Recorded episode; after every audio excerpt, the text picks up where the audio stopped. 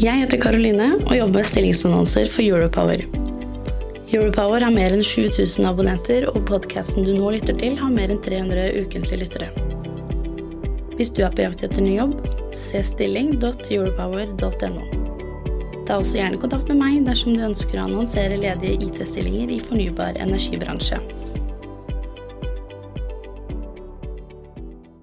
Vi er avhengig av teknologi og vi er avhengig av teknologikompetanse. Og veldig mye av den IKT-teknologien som vi bruker i våre systemer, den er utenlandsk. Den kommer fra utlandet. Så det er veldig vanskelig å unngå at vi må alliere oss også med utenlandske selskaper for faktisk å ha kompetanse tilgjengelig på teknologien. Du lytter til Energidebatten. Sendingen er produsert av Henry Partner i samarbeid med Kraftsert og Watchcom. Redaksjonen i Europower har ikke medvirket i produksjonen. Da er det en glede nok en gang å få ønske velkommen til Europower og energidebatten. Jeg heter Fredrik Kveen, jeg er markedssjef og dagens programleder. Bak spakene sitter Sjul Kristian Aamodt, teknisk og kommersiell leder. Dere som i dag har vært uh, og, og, registrert dere på Zoom, dere kan stille spørsmål, og vi vil at dere skal stille spørsmål. Da får vi uh, litt uh, tilbakemeldinger også direkte fra, fra deltakerne. Programmet blir også podkast. Alt vi sier, blir tatt opp, og det kan du hente ned på din, eh, der hvor du henter eh, podkaster, uansett om det er Spotify eller andre steder du lytter til dette.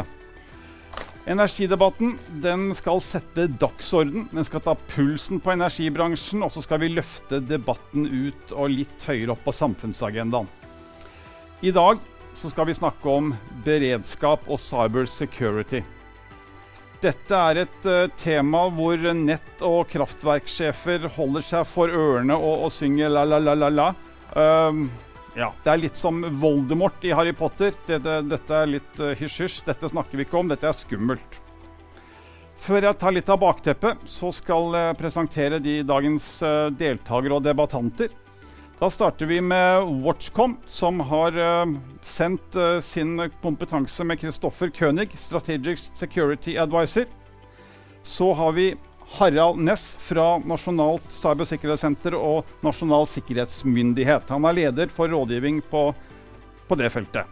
Så har vi da Kraftsert med Margrete Råum, som er daglig leder. Hver og en skal få lov å si litt om, om seg selv før, før vi starter. Og da starter vi med Kristoffer på, på Watchcom. Kan du si litt om, om dere? Kristoffer eh, Kjønig. Eh, jeg jobber som strategisk sikkerhetsrådgiver hos eh, Watchcom. Eh, der har jeg vært i elleve år. Eh, har jobbet noen og tyve år med, med cybersikkerhet. Eh, Watchcom er del av et nordisk konsern som heter Combitech, som bl.a. jobber mye med energisektoren på nordisk nivå. Ja. Harald?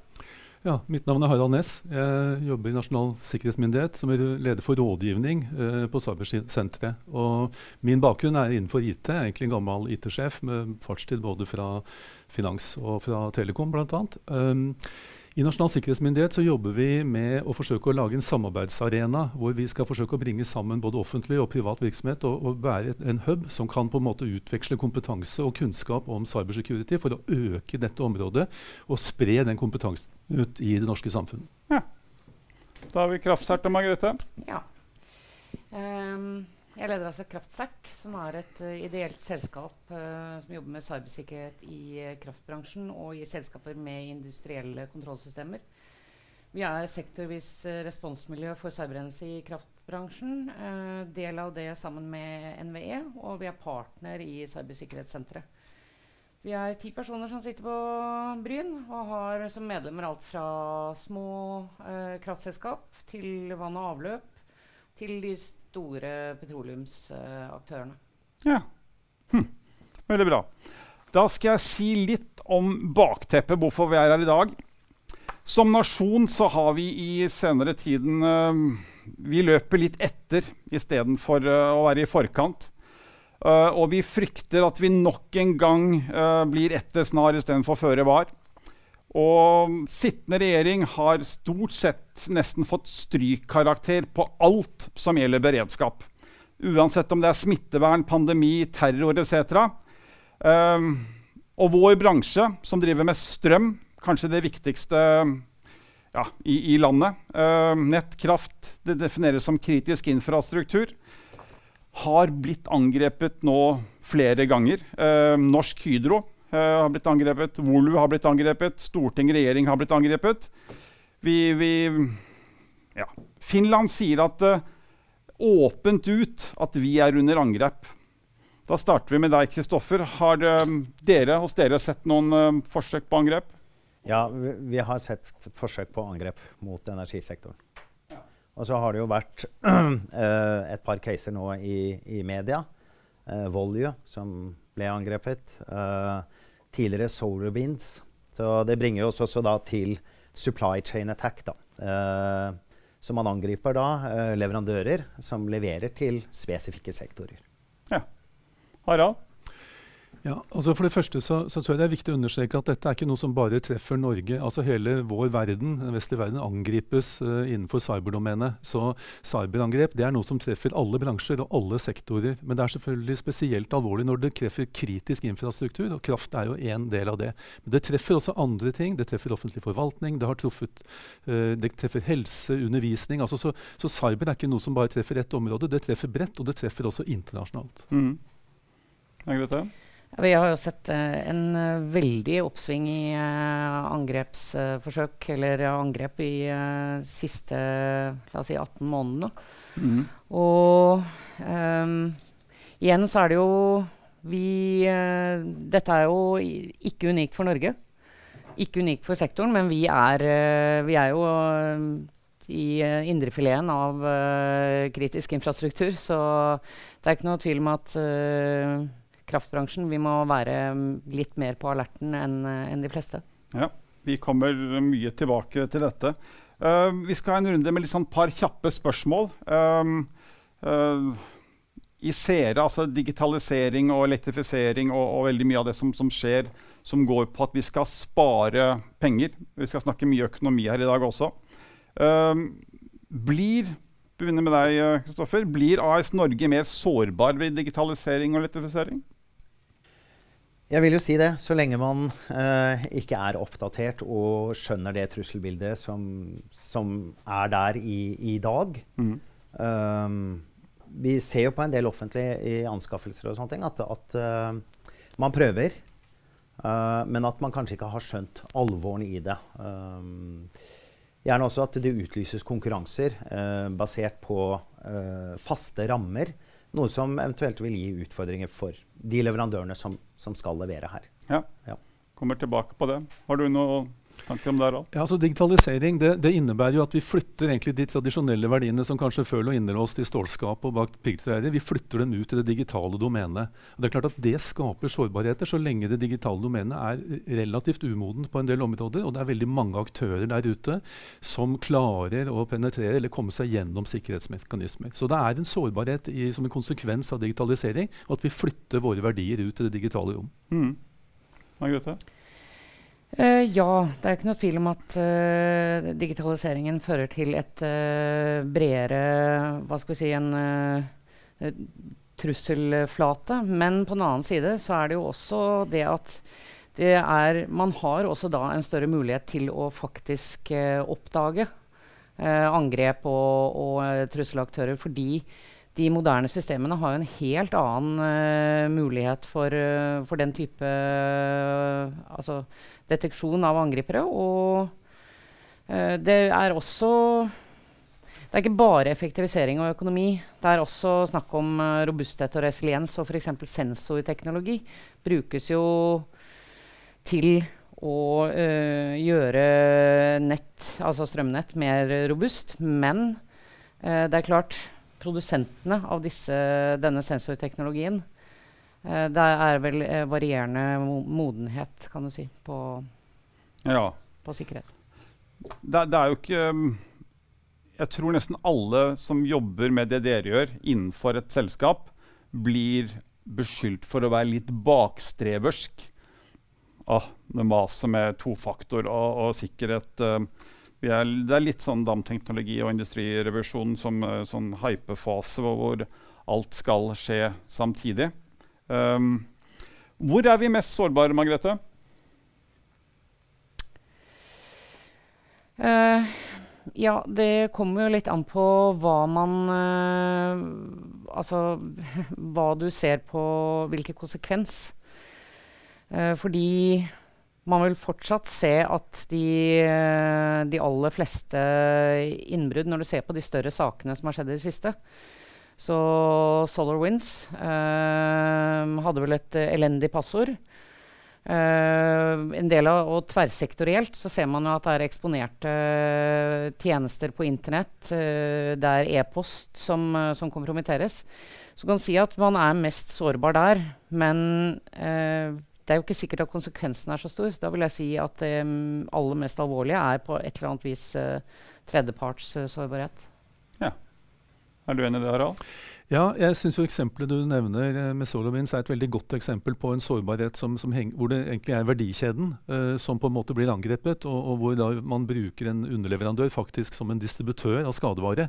Uh, det er jo et eksempel på hvor du virkelig får stor effekt av liksom du har klart å komme deg inn ett sted, og så får du en, en multiplikatoreffekt.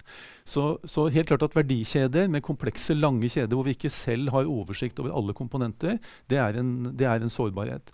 Uh, og så er det et annet område hvor jeg tror at det kan være grunn til bekymring. og Det er egentlig alle de stedene hvor vi har eldre systemer, uh, gammeldagse systemer, som kanskje på en måte etter hvert blir koblet opp mot nyere løsninger. Og så har man ikke god nok kontroll på denne infrastrukturen. Mm. Man har kanskje ikke gode nok oppdateringer, slik at du kan ha gamle systemer som plutselig blir eksponert mot internettjenester. Det tror jeg også kan være en, en, et, et område man bør ha fokus på framover. Ja. Du hadde et innspill, Margrethe? Ja, eh, det var dette med eldre systemer som kobles nye. Jeg er helt enig i det. Eh, og det kan man risikere at, eh, å støtte på den problemstillingen bl.a. pga. bevegelsen i markedet. Altså at nettselskap slås sammen. Og de har kanskje vært på to forskjellige eh, punkter i utvikling. Kanskje de har eh, forskjellig teknologi, og nå skal de altså slås sammen. Og da, eh, da kan man da må man være varsom så man ikke snubler og, og åpner en flate. Mm. Vi skal komme masse tilbake til disse tingene her. Um, er informasjonssikkerhet på agendaen i konsernledelsen i, i, styrene rundt omkring i landet? Begynner med deg, Kristoffer. I mine 20 år så, så har det vært en sterk uh, bedring. Så noen steder, uh, gjerne hos større virksomheter, så ser man at dette blir tatt alvorlig. Uh, Uh, mens hos mindre virksomheter, uh, hvor man kanskje ikke har ressurser, og sånne ting, så, så er i hvert fall min oppfattelse at det er i hvert fall ikke nok på agendaen. Nei. Uh, og jeg tror det, det, handler veldig mye om at man må ha litt ressurser, og man må også ha kompetanse for å forstå det trusselbildet som finnes der ute i dag. Mm. Jeg kommer masse tilbake til dette, for jeg har ringt rundt til mange kraft- og energiselskaper og, og hørt litt. Harald? Jeg tror det er i varierende grad. Uh, altså jeg tror at altså Hvis du ser på nå de store selskapene i Norge sånn generelt, liksom Telenor, DNB, altså de store som har mye ressurser, så er dette åpenbart på agendaen. Men, men jeg tror at det kan være vanskelig å ha, finne fokus og ressurser til det hos de mindre selskapene og SMB-markedet. Uh, så jeg tror at det kanskje er en, en forskjell der, egentlig. Ja, uh, jeg har faktisk noen utrolig ferske tall.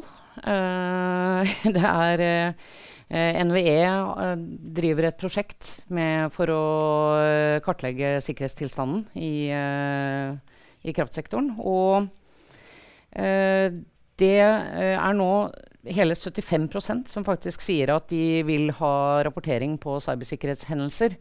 Det er klart, det er ikke det samme som å ha eh, sikkerhet på agendaen til daglig. Så det må være neste skritt. Men det at ledermøtet faktisk at 75 vil ha rapportering om hendelser, er jo et fremskritt. Og i forbindelse med koronasituasjonen med eller hjemmekontor, da, så var det over 80% av ledelsen som uh, mente at uh, altså usikkerhet, eller hva skal jeg si, sårbarheter rundt hjemmekontor måtte på, uh, måtte på agendaen på, på, opplæringssiden. Og det er jo det er, imponerende. Det er klart, Nå har vi holdt på i 18 måneder. Så. ja, men, men, du kan si at 80% kan virke som imponerende. Men samtidig så er det jo til stryk da, for de 20% som kanskje ikke har det på agendaen. Så vi er, vi er Men vi, vi tar um, hvem, er det som har ansvaret for, um, for, informasjonssikkerheten og dette til slutt i selskapet? Er det IT, eller er det Begynn med Harald. Nei, altså jeg mener at Det er jo ledelsen som har ansvaret. Uh, og, og, det må alltid være klart at det er ledelse, toppledelse, styret som har det ansvaret. Så kan de delegere utøvelsen av det til enkelte deler av organisasjonen, men mm. det er alltid et uh, topplederansvar å ha det ansvaret. Ja. Hva tenker du, Kristoffer? Jeg er helt enig. Uh, både innen privat og offentlig sektor så er det øverste ledelse, styret eventuelt, som, som har dette ansvaret. Mm. Um, det er kanskje litt vanskelig egentlig å forstå det, men, men i noen uh, lover og regler knyttet til hvordan du skal drive et selskap eller en organisasjon, så skal man jo ha forsvarlig drift. Mm. Uh, og, og, det å da ikke ha det oppe på styrenivå, så kan man begynne å diskutere er det forsvarlig eller ikke når du har ansvar for f.eks. et stort antall arbeidsplasser. Mm. Mm. Har du noe innspill på det? Jeg, jeg syns det er helt krise de stedene hvor dette her blir dyttet ned i IT-organisasjonen. Mm. Og det er jo også fordi at det blir uh, interessekonflikt. Hvis du har uh, Som IT-sjef så har du fått beskjed om å gjøre ting uh, effektivt. Og, men så har du også en sånn, et eller annet sted der nede så har du ansvar for, uh, for sikkerheten. Da lider sikkerheten. Og det har vi jo sett flere steder, i, i, hvert fall i offentlig sektor. Så. Jeg, kan, jeg, har ringt rundt ti selskaper som er mellomstore nettselskaper til litt mindre nettselskaper. Og alle ledere som én er litt ja, det er, Kanskje det er meg. Det, det er ingen som egentlig har den hatten på seg at jeg har ansvaret for at, ikke jeg, at vårt selskap blir hacket, og at strømmen går, eller de, hvilke konsekvenser det måtte ha. Så her, um, Dette kommer vi tilbake til, uh, men dette er alvorlig. Uh, hvor lammet kan vi bli, Kristoffer? Uh, slått ut. Ja, Det blir mørkt? Ja, det ja. blir mørkt. Ja. Veldig kort på det også, du Harald. Det kan, kan, bli ganske, ganske, store konsekvenser. ja. ja. Mm. Og etter det blir mørkt, så blir det veldig lyst, for da blir det, da vi jo um, bare, bare, bare, kort, dette er et ja-nei-spørsmål. Opplever dere at kraftbransjen er rustet for det som måtte komme, Margrethe? Um. Ja, nei? um, det kommer jo eh, Ja, nei? Ja, nei, da får jeg vel si nei, da. Harald? Jeg tror ikke noen bransje er godt nok rusta for dette. Kristoffer? Nei. Nei. Hva tenker dere om å bruke utenlandske selskaper for å jobbe med informasjonssikkerhet i Norge? Da skal vi ikke starte med Kristoffer, da skal vi starte med Margrethe. Um, ja, det er jo vel uh, uunngåelig. Og uh, Hvorfor er det uunngåelig? Ja, fordi det er jo ikke regulert uh, oppkjøps... Uh, altså oppkjøp av selskap er jo ikke regulert. Så de behøver jo ikke være utenlandske i utgangspunktet, men så blir de, uh, blir de kanskje solgt til et utenlandsk selskap. Mm. Men det er jo regler for bruk av Altså dette, dette reguleres i beredskapsforskriften, eller av NME, på um, så det begrenser uh, hvor, uh, hvor, disse selskapene skal ha tilholdssted til en viss grad. Ja, snakker vi om sikkerhetsklarering hos NSM, eller snakker vi om å jobbe med andre selskaper hvor dette er et tema? Um, det reguleres vel mye av f.eks. Uh, eh, altså det er tilgang til systemene. Uh, at man ikke, skal ikke kunne koble til fra hvor som helst. Og det er også tilgangen til sensitiv informasjon som da ikke skal kunne lagres uh, hvor som helst. Så det er uh, Men Hvis Watchcom f.eks. er utenlandsk eid, går det under kategorien utenlandske selskaper? Det kommer an på om Watchcom uh, lagrer informasjonen her eller i Kuala Lumpur.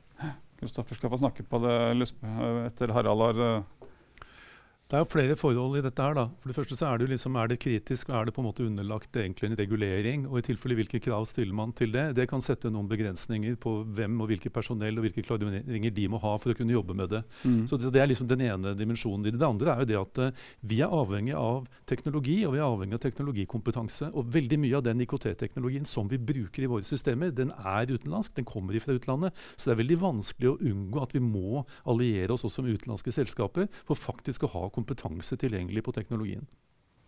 Kristoffer?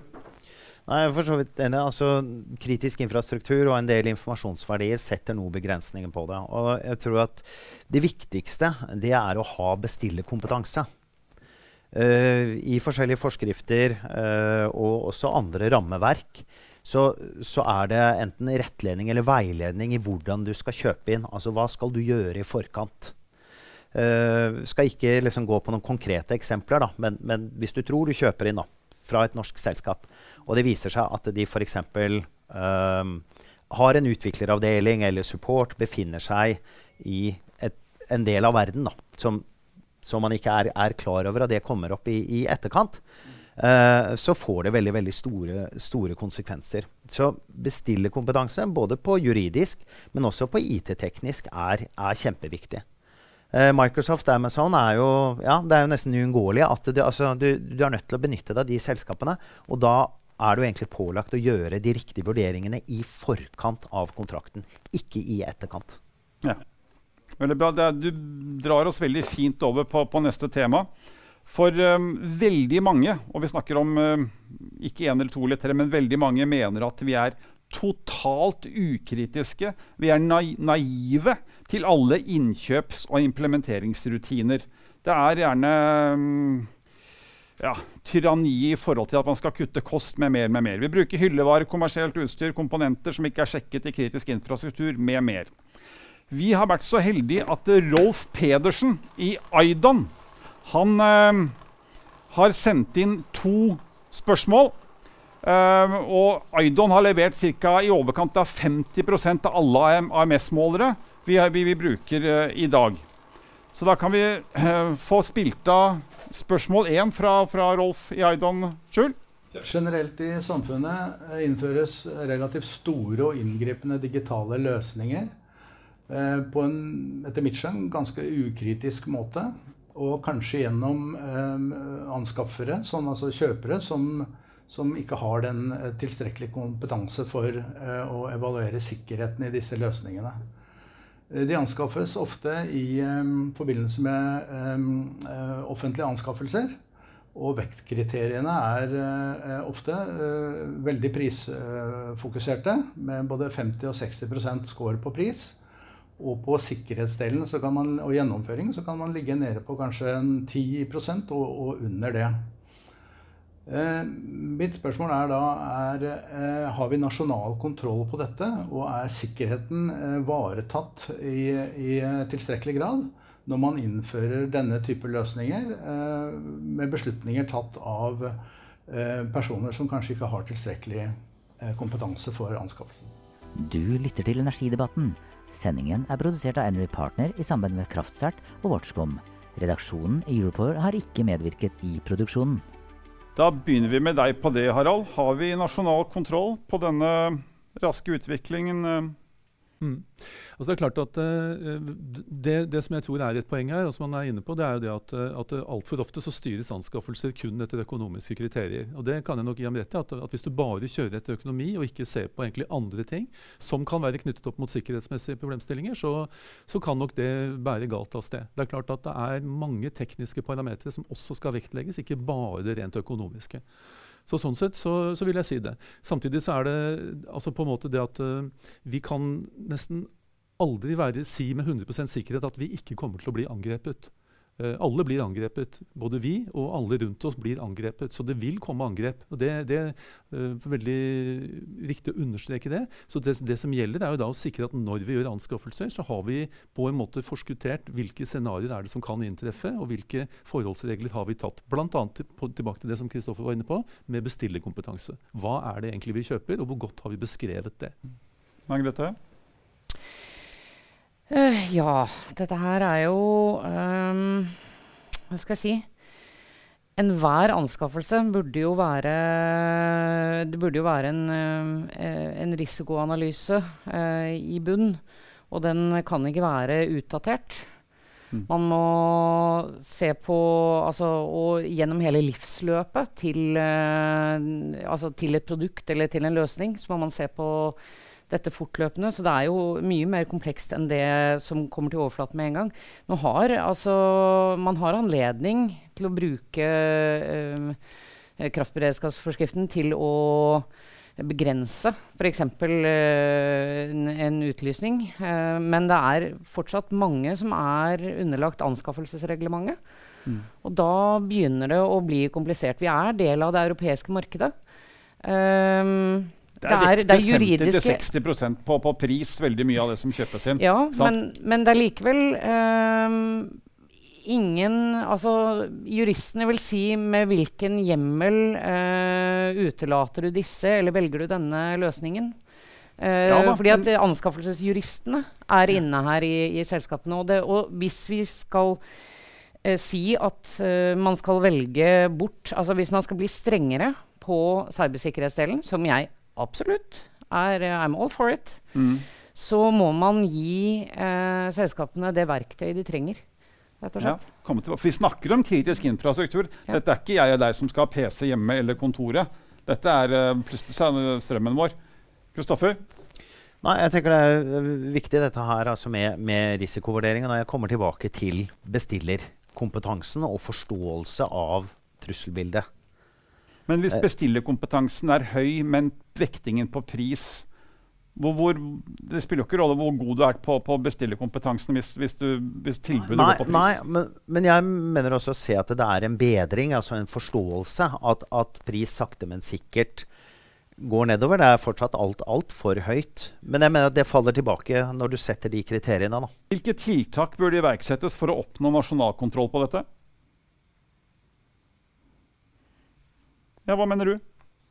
Eh, det er jo samkjøring og kanskje klare retningslinjer ved ved, vi skal snakke samarbeid etterpå. Har ja. du noe innspill? Harald, før vi ja, altså det, det, som, uh, Litt inn på dette med lovhjemler og den type ting. altså Nå kan vi jo minne oss selv på at vi fikk en ny sikkerhetslov for uh, ikke så veldig lenge siden. Og den Sikkerhetsloven er veldig tydelig på det at det er virksomheten selv som har ansvaret for å sikre at man har en forsvarlig grad av sikkerhet. Så det er altså slik at Virksomheten selv har ansvar for at du har forsvarlig sikkerhet. Og Da kan man jo på en måte se at der har du på en måte en hjemmel for å peke på at hvis ikke denne anskaffelsen er innenfor det vi anser som forsvarlig sikkerhet, så har du faktisk et instrument i form av sikkerhetsloven. Så, og Dette vil jo spesielt kanskje kunne gjelde for det som er kritiske samfunnsfunksjoner, hvor kraft er en av disse. Det høres veldig lett ut. Men hvis du er en liten kommune uh, oppe, opp i Finnmark som, som, på en måte får dette pålagt av NVE, at du skal ha ansvaret for det. Hvor det, dette er dyrt, det er krevende. Det er, um, det er ikke lett å være um, IT-sjef for, for et lite, liten kommune oppe i uh, hvor du skal drifte alt dette og, og, ha kontroll også på sikkerheten? Nei, men nå, nå tror ikke jeg at dette om du er underlagt sikkerhetsloven eller ikke, spiller noen rolle om du er i Finnmark eller om du er et annet sted. Den gjelder i hele kongeriket uansett. Uh, og, og, det som jo på en måte er, er poenget, er liksom det at en regulering og en lovbestemmelse den tar jo ikke hensyn til om du er stor eller liten. Den må du faktisk oppfylle. Ja, men så er det da budsjett, økonomi, som ligger til grunne for veldig mye av den um, om hva som blir kjøpt inn. Og det er ikke sikkert det er det beste som blir kjøpt inn um, hvis det er pris som legger vekt til 60% Nei, men det, det, er jo da et dilemma som man står i. da, Men da må man jo se om man mener at man faktisk ikke innenfor de reguleringer, altså beredskapsforskrift, sikkerhetslov osv., om man ikke klarer å oppfylle de, så er det på en måte noe som igjen denne virksomhetens ledelse må ta tak i. da. Ja, mm. Margrethe? Ja, jeg må først si at uh, selv om uh, man kaster penger på noe, så er det ikke gitt at man får en bedre løsning. Uh, jeg syns at uh, det kanskje til tider er litt uh, høyt fokus på hva slags tekniske løsninger som kan løse dagens problemer. At det heller er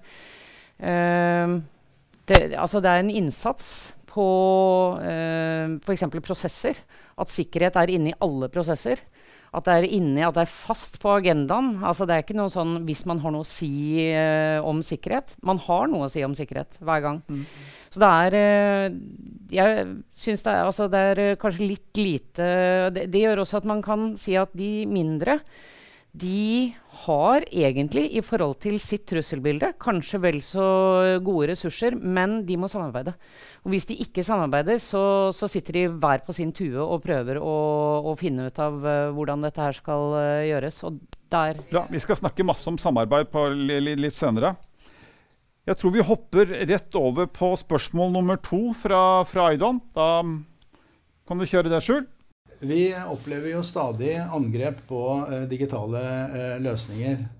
Og disse angrepene vokser jo i omfang. Vi har nylig vært angrepet eh, nasjonalt, både på storting og på industri.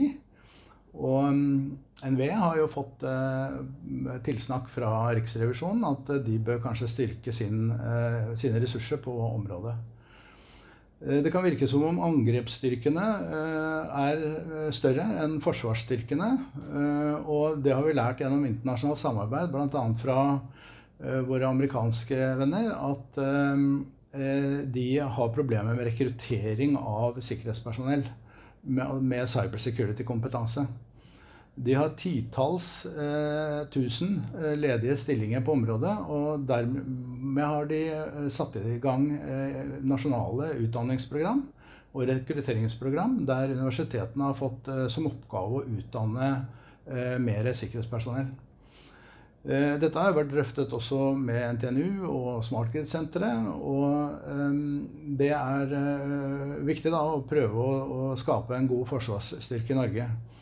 Spørsmålet er da hva, hvordan gjør vi dette? Hva gjør vi på området? Har vi en plan for å eh, styrke vårt eget engasjement gjennom eh, spesialtiltak innenfor akademia på området? Eh, eller er det andre nasjonale tiltak som er planlagt for å øke forsvaret vårt? Du lytter til Energidebatten. Sendingen er produsert av Energy Partner i samarbeid med Kraftsert og Watchcom. Redaksjonen i Europower har ikke medvirket i produksjonen. Du kan få lov å begynne med det du, Kristoffer. Hva tenker du om det, altså det, det er kommet flere initiativ. Uh, men de er ikke hva skal si, kraftige nok eller store nok. da. Slik at uh, kompetansegapet her det, det fortsetter å, å, å vokse. Uh, man ser jo også at statlig etterretning eller avanserte trusselaktører som blir mer og mer aktive. Så de har jo skjønt dette at det er kompetansemangel. Uh, men jeg tror også at uh, øvelse gjør mester, da. Det å øve på ting og, og, og ja, beredskapsøvelser og være, være, i forkant og, og, lære av det, tror jeg også er uh, et godt virkemiddel. Men som sagt men Hvis ikke kompetansen ligger der, og vi har mennesker å ansette som har denne kompetansen, da, da kan vi øve så mye vi vil, da. Da kan man øve så mye man vil, men det var jo nevnt her også da samarbeid, da. Um, ja. Finansbransjen, så jeg vet ikke om du ja, kommer til det etterpå. Vi, vi, vi, kommer til det ja. i, Men sa samarbeid og erfaringsutveksling er, er, er kjempeviktig. Uh, vi, vi, vet og har erkjent at vi har altfor få ressurser innen cybersikkerhet. Uh, markedet skriker jo etter, etter ressurser. Um, og det utdannes fler, men ikke nok. Nei. Hvilke tiltak mener du burde settes i verk? Det må jo pumpes inn mer penger i utdanningstiltak da, og opprettelse av flere studieplasser. Uh, man må kanskje se til uh, USA, hvor man har tatt i bruk uh, spillbasert læring eller gamification. praktisk læring av cybersikkerhetsressurser. Hvor, hvor henter dere deres kompetanse fra? Vi henter uh, hovedsakelig fra NTNU. Uh, har jobbet i mange år uh, sammen med NTNU og, og, deltar på karrieredagene der. Fikk faktisk interns, summer interns i, i dag. Ny runde. Vi har hatt det et par år, og, og, og det hjelper oss med tilgang på, på kompetanse. Så bra. Harald? Altså, det er helt riktig som det påpekes at, at trusselaktørene har store ressurser. Og de kan jo i enkelte tilfeller være statlig finansiert og ha altså, ganske massive ressurser. Uh, så det er helt klart at vi trenger også å følge opp på det. Men jeg har også lyst til å si at det gjøres jo ting i Norge i dag. Uh, vi har fått en strategi for digital sikkerhet. Uh, den resulterte bl.a. i at Nasjonalt cybersikkerhetssenter ble opprettet. NTNU har nylig fått en ganske stor bevilgning fra Forskningsrådet for å gjøre en stor satsing på videreutdanning. Det gjøres også andre satsinger ved andre universiteter i Norge. Og jeg vet også at Forsvaret, Cyberforsvaret intensiverer egentlig opplæring og utdanning av sine, sine folk. Så ja, vi er helt enige om at man må satse på, på å rekruttere og utdanne folk innenfor cyber, men det er også initiativer på gang. Ja, for dette er et trusselbilde som ikke blir borte. Dette er noe som vi hele tiden må egentlig bare bli bedre og bedre på. For, for det, ja, Margrethe? Ja. ja. Ja det her er jo uh, flere sider. Altså, når man snakker om uh, sikkerhetsutdanning, så jo, snakker man om de som lærer sikkerhet. Eh, men det vi satser ganske hardt på, er jo å eh, basere det på en, et fagfelt allerede. Altså at f.eks. Uh, elektroingeniører får, uh, får cybersikkerhetstillegg og uh, altså automasjonsingeniører. Fordi når man kommer utenfra fordi nå, de, de, aller fleste sikkerhetsfolk i, vil jo jobbe med, med IT-systemer, mm. selv i kraftbransjen. Men det som Det å finne noen som kan eh, kontrollsystemrelaterte eh, ting sammen med eh, sikkerhet, det, altså, det er sjelden vare. Så det vi gjør, er jo at vi henter folk fra andre, litt andre fagfelt. Og så tar man heller eh, og, og, videreutdanner på sikkerhetssiden i stedet for å starte med sikkerhet i bunnen. Fordi det er vanskelig å lære de spesifikke kraftdelene uh, i etterkant, faktisk. Ja. Så, um, men det er jo også en, en, annen ting, fordi vi snakker om videreutdanning. Men jeg mener jo at alle må, i et selskap må videreutdanne seg på sikkerhet. Og det er klart, alle skal ikke bli uh, eksperter, men alle skal skjønne, ha, få det inn i ryggmargen. Like mye inn i ryggmargen som HMS har. Men er det NVE, eller hvem skal på en måte rett, eller på en måte iverksette den type tiltak, hvor vi alle sammen bruker hodet litt bedre? Ja, det her um, er jo noe vi der, Vi er tilbake til toppledelsen i selskapet. Ja, og samarbeid. Holder seg for ørene og synger wa, wa, wa, wa. Ja, og samarbeid, fordi uh, det er jo uh, en viss type kursing og kursopplegg kan man jo uh, samarbeide på. Spesielt når man er i samme sektor. Mm. I dag så er det jo mye av disse kursene som er utrolig generiske, og som går helt på tvers av selskapene. Og de, eh, det er overflatekunnskap og mindre verdifulle enn hvis man får noe som er litt mer spisset. Mm. Um, jeg skal bytte om på spørsmålene. Jeg skal snakke litt uh, økonomi nå. Um, når jeg startet litt sondering på dette, så var første, en av det første jeg ringte og fikk tak i, var Heiberg, da, som er avgående i, i Elhuben. Uh, han, han, går inn som, som uh, i, i Skagerrak uh, på mange måter som, som ansvarlig på, for dette der. Um, og så snakket vi litt um, Han var den første som nevnte dette med Voldemort. Det, det, de selskapene som Elhuben brukte, det, det, nei, det, kunne han ikke si. Det, det var um, det, det, var, nei, det var skummelt, fordi da ville de han bli angrepet igjen. Um, og så tødde han litt opp etter hvert. Men han snakket økonomi. Han sa det er grisedyrt uh, å sikre seg mot angrep. Og så hadde han en liten sånn kunstpause, men det er verdt hver eneste krone. Um, bruker vi ressursene på de tingene, på det som er viktig i dag? Kristoffer?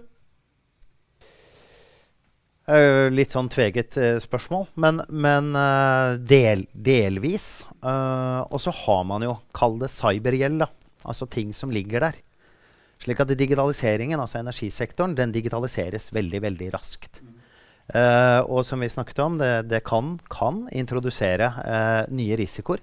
Samtidig som vi har sårbare systemer og sånt som egentlig burde vært fikset. Men man fortsetter å, å digitalisere. Uh, så det er bare, kanskje ikke helt riktig sett i det perspektivet.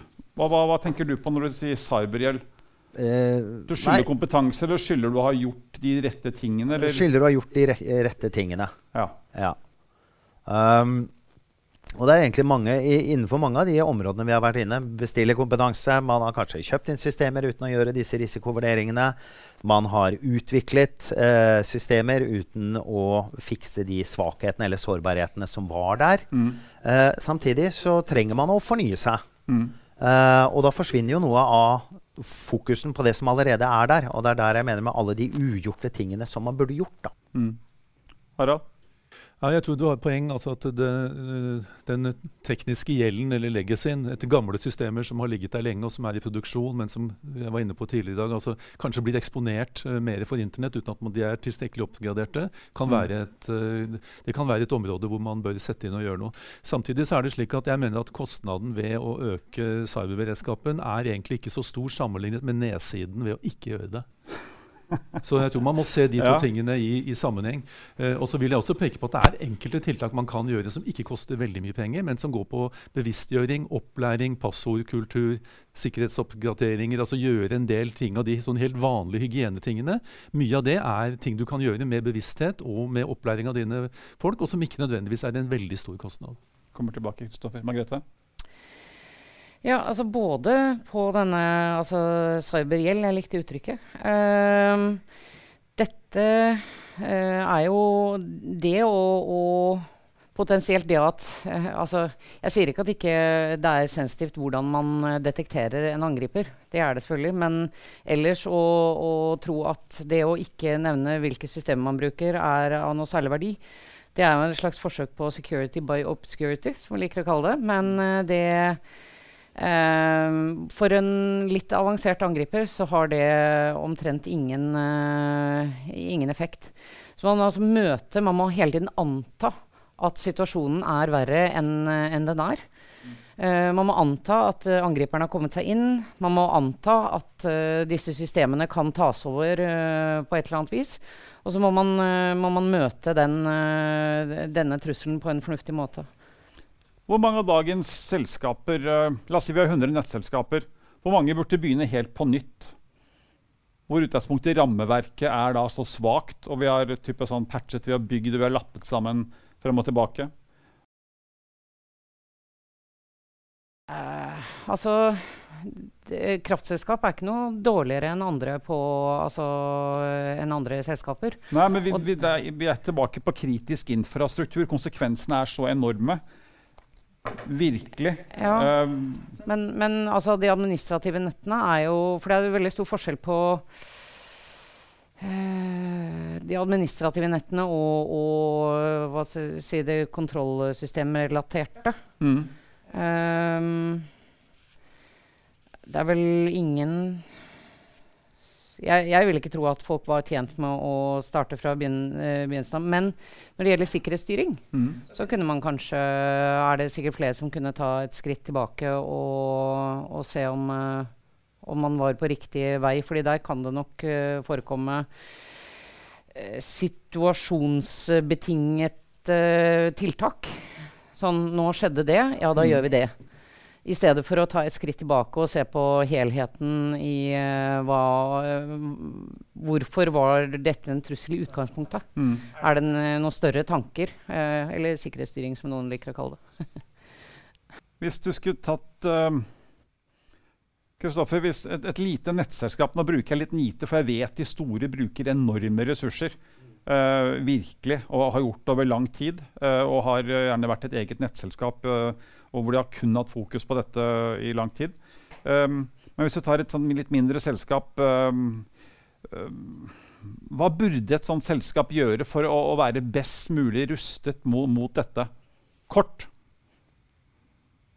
eh, benytte seg av de gratis rammeverkene for beste praksis på cybersikkerhet som fins der ute. Og da får jeg jo rose NSM. NSMs grunnprinsipper, altså det er grunnleggende Mm. aktiviteter eller oppgaver, eller hva du skal kalle det, på cybersikkerhet. Mm. Og det er gratis. Mm. Uh, og for så vidt for meg et stort spørsmålstegn hvorfor ikke flere leser og benytter seg av de. da. Jeg må bare få lov til å Ja. si det, da, fordi NSM har jo da gått ut. Og er det én ting de har sagt uh, de siste månedene at virksomheter bør gjøre, så har de gjennomføre sårbarhetsskanning for å sjekke status på svakheter i systemene sine. Mm. Og det er ikke en så veldig kostnadsdrivende aktivitet. Men du må ha ressurser, og du må også ha kompetanse for å tolke de resultatene. Men den er lite kostnadsdrivende, og der har du faktisk et enkelt kvalitetsrammeverk. Og det er gratis. Mm. Bare last ned fra NSM sine sider. Og det fins masse andre slike verktøy og, og rammeverk som er gratis, og som man kan følge. Ja. Margrethe? Eh, jeg mistenker at det kanskje er et spørsmål, og da peker jeg vel så gjerne på meg selv som et problem, eh, at eh, vi ikke evner å formidle på en god nok måte hva dette går ut på. Og, og hva som kreves for å, for å gjennomføre det, og hva som er konsekvensen av det man finner. Fordi vi har også en, en sånn tjeneste som, er, som nesten ikke er i bruk. Og det er jo selvfølgelig pga. dårlig informasjon fra oss, så det, det må jeg bare beklage. ja, Nei, men altså, det, det, har jo vært en bedring, da. Men det, det, er det. Men det jeg mener er at mye av dette er altså, det er gratis. Det er beste praksis. Og det vil si at det er noen som har brukt det før, og det har fungert. Um, og om det er god, god, kommunikasjon eller ikke, jeg tror vi har en utfordring i å akseptere og forstå trusselbildet. Så det du og Margrethe begge sier, at et lite selskap har kostnader og, og, og kan få kunnskap til å bære dette innenfor rimelighetens grenser? Ja, det vil jeg påstå.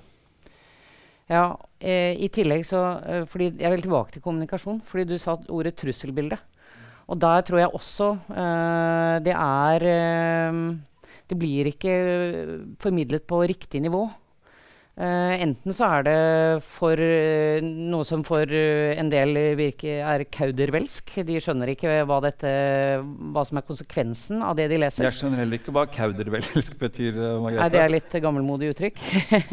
Men altså, det er jo det er, det er gresk. Det er ikke, man, man, skjønner ikke innholdet. Og, eller man skjønner ikke hva man skal gjøre med informasjonen. Den er ikke hva skal vi si, brukende til, til, til, noe, eller man skjønner ikke hva man skal bruke den til. Uh, og det, der igjen, der må vi jo se litt alle sammen som jobber med dette her, at vi informasjonen må tilrettelegges for uh, den som skal motta det. Mm.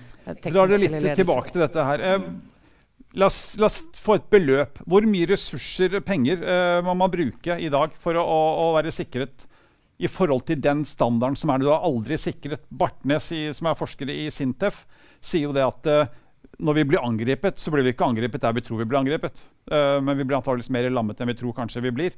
Uh, igjen, det er ikke sikkert det skjer. Men hva, hvor mye, mye, penger må du bruke?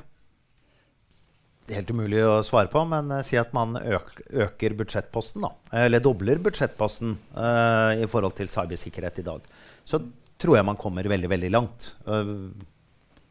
Ja. Jeg kan ta spørsmål og Harald etterpå. Um, I stedet for å si et beløp, så vil jeg si at man bør uh, sette av personell. Som da selvfølgelig er, er, en kostnad i seg selv, men at man har dedikerte folk.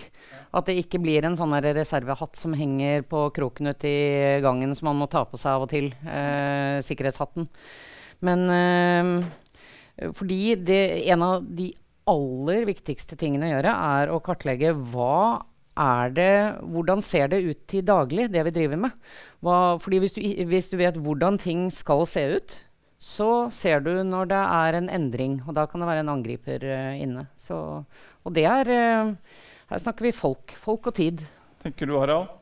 Altså, det er jo helt umulig å gi en sånn eh, one size fits all-svar på det. der. sånn. Du må kartlegge hvilken situasjon du er i, hvilken, hvor gammel infrastruktur har du, hvor gamle komponenter har du osv. Og, og så få en omfang på din egen virksomhet før du klarer å sette et tall på det. Du lytter til Energidebatten. Sendingen er produsert av Enery Partner i samarbeid med Kraftsert og Watchcom. Redaksjonen i Europower har ikke medvirket i produksjonen. Da skal vi hoppe over på beredskap. Um, og DSB og sikkert andre også kjører øvelser på da både angrep og andre ting. Uh, og så har jeg da fått føre av flere at ja, det er kjempefint, men de, vi trener f.eks. strøm og kritisk infrastruktur alene. Og hvis strømmen går, så blir det helt mørkt overalt absolutt alle samfunnskritikere, altså samfunnsfunksjoner, vil falle ned. Uansett om det er vann eller kloakk eller helse eller hva det måtte være. Det blir ingenting som skjer. Kloakken blir bare spylt ut i Oslofjorden. Uh, de, de, deler ut bjeller på, på, på, sykehusene for at de skal fortelle at nå er det noe gærent med meg, nå trenger jeg et eller annet. Med mer, med mer. Hva skal vi gjøre her? Begynn med deg, Margrethe. Um ja, jeg faller jo tilbake på samarbeid, da.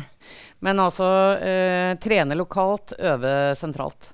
Ja, Men er, det din oppgave å passe på at vi trener eh, sentralt? Eller, det, eller, skal det opp på et annet nivå? Peker du på meg, eller Nå mener du jeg på deg. Nå Oi, peker jeg på, på Kraftsert. Syns du det ja. er en god at beredskapsøvelsene i dag er gode nok i forhold til å ta, ivareta alle samfunnskritiske funksjoner? Uh, nei, men jeg syns Jeg mener at vi har et ansvar. Eh, sammen med sektorresponsmiljøene og, eh, og, NSM, så har vi et ansvar for å sørge for at uh, det blir øvd tverrsektorielt. Det som er ja, Sektorresponsmiljøene, ja. det er der jeg er litt sånn Ja, nettopp. Ja. det er jo til dels en politisk inndeling per departement eller myndighet. Så det er jo F.eks. helse har sin CERT, og Uninett har uh, utdanningssektoren. Finans-CERT har jo uh, finansinstitusjoner. Uh, vi, har litt, vi har litt på tvers, men uansett så er vi en, en gjeng som da samarbeider tett. Mm. Og nå står vi på trappene til å begynne å øve sammen i større grad. Og jeg tror det initiativene må komme fra oss fra NSM og fra oss. Først, uh, Harald, før vi tar Kristoffer. Altså det, det, gjøres jo noe øvelser i, i, dag, men jeg tror at man kunne med fordel sikkert uh, øve mer og, og, øve bedre. Og Det er en grunn til at forsvar og brannvesen alltid øver. Altså Det er jo for å være beredt når noe inntreffer. Mm. Hvis du spør lederen for et vannverk, uh, hva er du mest avhengig av? Hva sier han da? Nei, det, Jeg vil nok tro at han er veldig avhengig av strøm. det tror jeg altså. Det er ikke en pumpe, det kommer ikke ut. Det blir veldig tørt. Og vi blir veldig tørste. Eh, Kristoffer? Nei, Jeg er helt enig i at vi må, må, øve mer, og mer på tvers av, av uh, sektorene. Uh, finansbransjen uh, er jo ganske moden når det kommer til cyber. der har jo EU utarbeidet et rammeverk, og, og, det kommer mer i forhold til det. Men rammeverket er utviklet for å sikre finansiell stabilitet innenfor EØS. Og det er det samme å kunne sikre stabil kraftleveranse i Norge. Og det som jeg vil si i forhold til det rammeverket der, er at det er fokus på erfaringsutveksling eh, på tvers av de som eh, øver. Ja. Vi drar over i Du skal få ordet nå. Eh, og da går vi over på samarbeid, for nå skal vi snakke om samarbeid. Um, fordi det, det, det, Av alt vi har snakket om, så tror jeg det, er det som har skremt meg mest. De tilfellene hvor vi får høre at uh, om noen blir angrepet, så har de ikke noe plikt til å fortelle andre om dette. Fortelle andre som er i, Uansett om det er like bransje, eller om det er miljøer som jobber cybersecurity, eller om det er uh, kunden da, som er, egentlig kanskje er blitt angrepet gjennom en leverandør, uansett hvem det måtte være og, og da, da, da, går det sånn kaldt nedover ryggen på meg, for da, da, har vi ikke kommet så langt i forhold til dette. For da, blir plutselig trusselbildet mye større når vi ikke deler informasjon uh, og samhandler. Du kan få starte med det, Margrethe, med at du ba om ordet. Ja, um, fordi det er uh, Altså, jeg vil skille ut trene og øve. Fordi altså, eh, F.eks. så er kraftselskap eh, veldig flinke til å øve. De øver hele tiden. Eh, men, eh, og da behøver de ikke øve det hva de skal gjøre på det tekniske nivået. For det sitter i fingrene. De vet nøyaktig det. De har rutiner. De har gjort det tusen ganger. Eh, det de øver på, er eh, samhandlingen og det, det større bildet. men det er ikke cyberhendelser.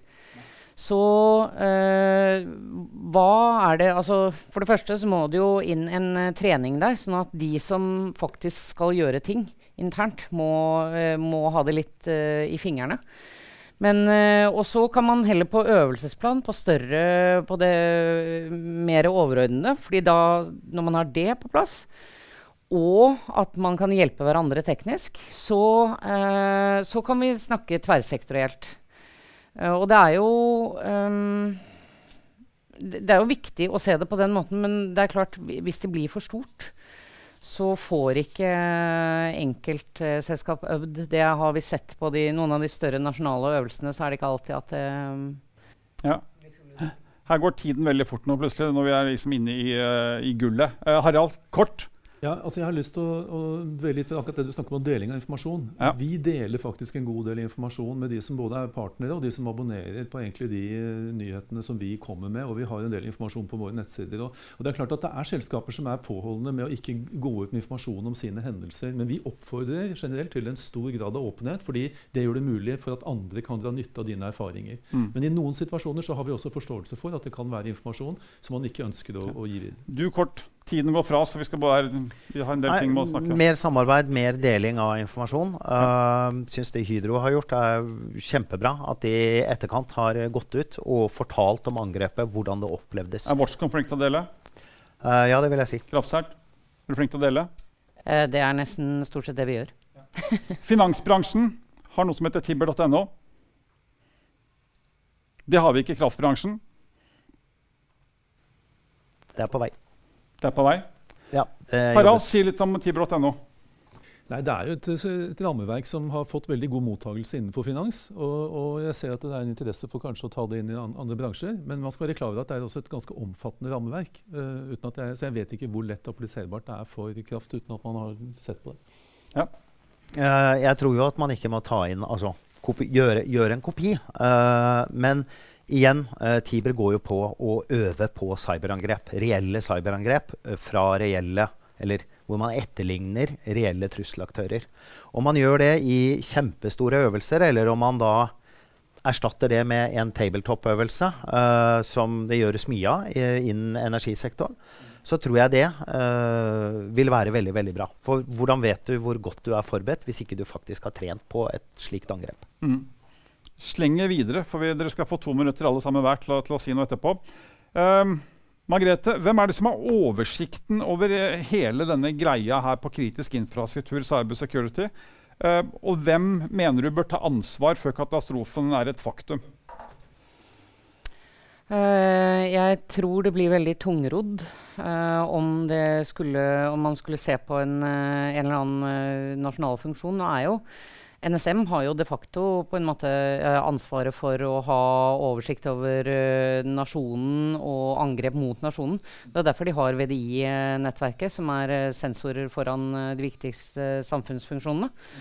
Mens eh, jeg tror at man må eh, i en stor grad eh, jobbe sektorielt eller teknologisk for å få eh, beskyttet Og hvem som skal ha oversikten, jeg vet ikke om det er Kjapt, mulig. Kristoffer, jeg må bryte, for dere skal få to minutter hver. og det, det rekker vi ikke. Kan vi gå litt over tiden?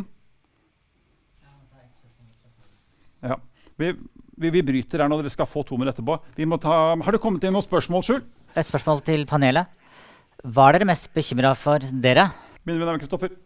Eh, tap av sensitive personopplysninger? Harald? Altså Trussel mot uh, samfunnskritisk infrastruktur. Margrethe?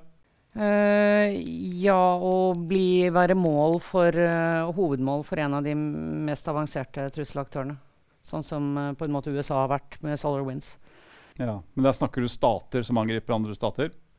Ja, man må vel kunne ansta, eh, anta at det var det. Var det noen flere spørsmål? Ja, eh, hvorfor er energibransjen så utsatt? Harald? Jeg vet ikke om den er mer utsatt enn andre, men alle bransjer er utsatt i dag. Har du noen, Kristoffer?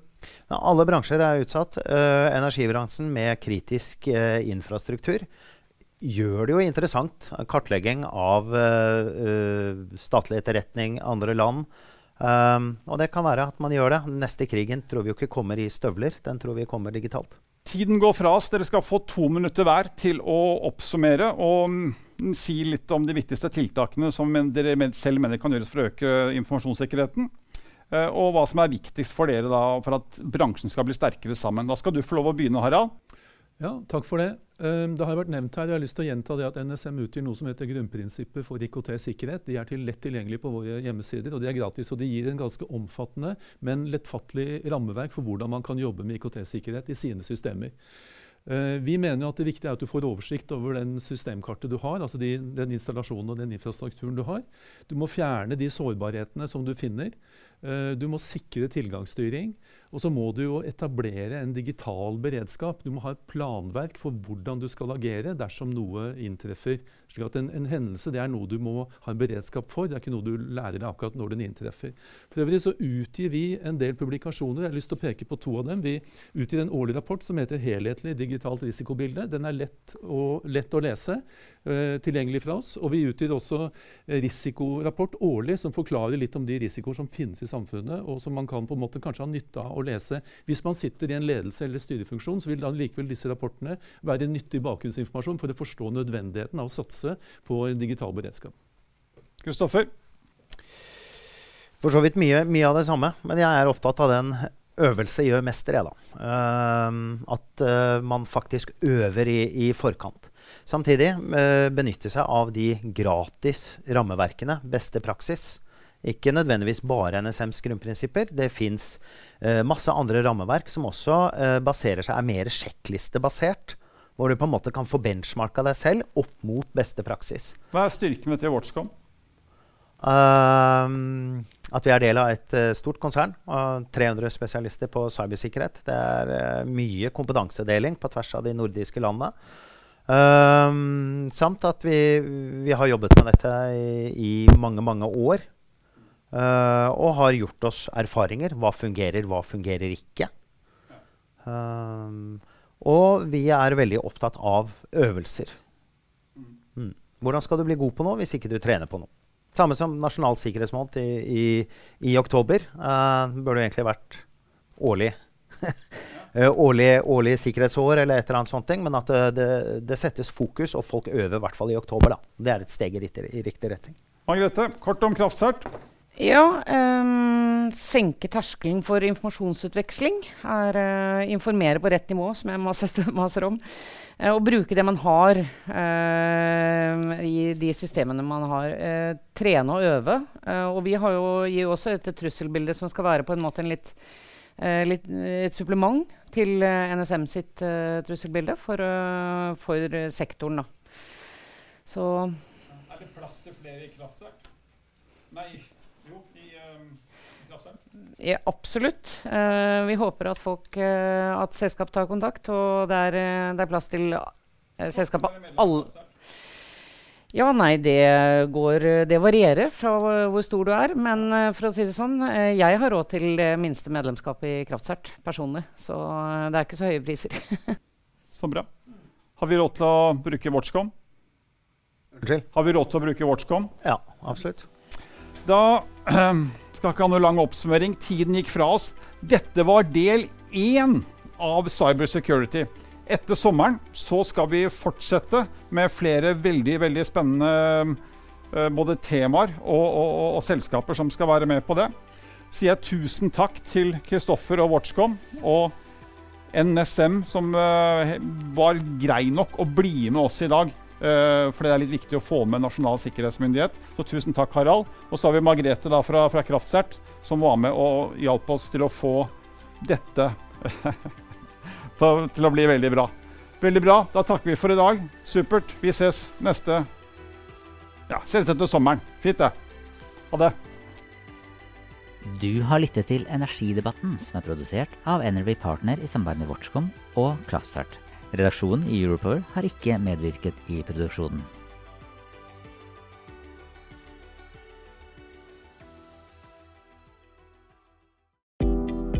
Jeg heter Karoline og jobber med stillingsannonser for Europower. Europower har mer enn 7000 abonnenter, og podkasten du nå lytter til, har mer enn 300 ukentlige lyttere. Hvis du er på jakt etter ny jobb, se stilling.europower.no. Ta også gjerne kontakt med meg dersom du ønsker å annonsere ledige IT-stillinger i fornybar energibransje.